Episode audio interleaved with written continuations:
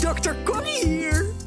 In mijn werk kom ik natuurlijk heel veel mooie, spannende, intieme verhalen over eerste keren tegen. Luister je weer mee? Ja, oké. Mijn eerste keer verliefd. Volgens mij was ik. Ik was zeven en er was een meisje, ze heette Dieke. Ik vond haar gewoon knap en ik vond haar gewoon vrolijk. Ze had een vrolijkheid, een bepaalde intensiteit, een bepaalde... eh, Dieke vond het leuk om naar school te gaan, ik niet zo. En ik hoopte dat ik dat een beetje kon leren van haar. Ik wist niet of dat Dieke dat ook over mij zo eh, vond. Maar ik weet wel, of tenminste ik vermoed, dat mijn juffrouw steengoed doorhad dat ik verliefd was op Dieke. Want die heeft mij gewoon naast Dieke neergezet op een gegeven moment bij een herindeling. Ja, ik wilde super graag indruk maken op Dieke. Nou, ik kon heel goed zo, ik kan heel goed zo dit met mijn vingers kon ik toen al in groep 3. Dat, ik kan zo goed mijn- eh, vinger coachen. Ja. Als ik mijn vingers strek, dan kan ik mijn bovenste vingercoaches heel goed eh, individueel bewegen van de vinger. Ik had wijde broek, ik hield van skateboarden.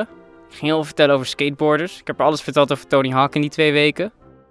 En ik speelde ook veel videospelletjes. Ik heb eh, heel veel coole trucjes die ik kon laten zien.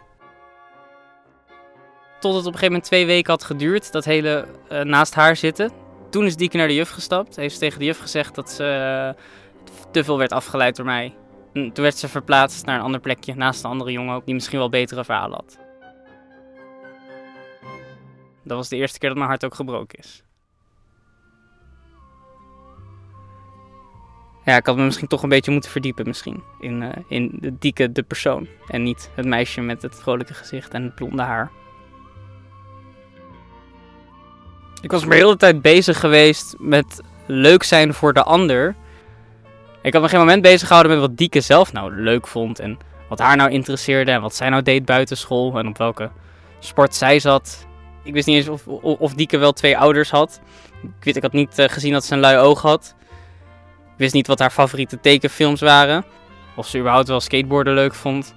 Verliefdheid was heel erg eh, ik, de jongen die verliefd is. En zij, het meisje die nog maar eh, erin moest gaan geloven.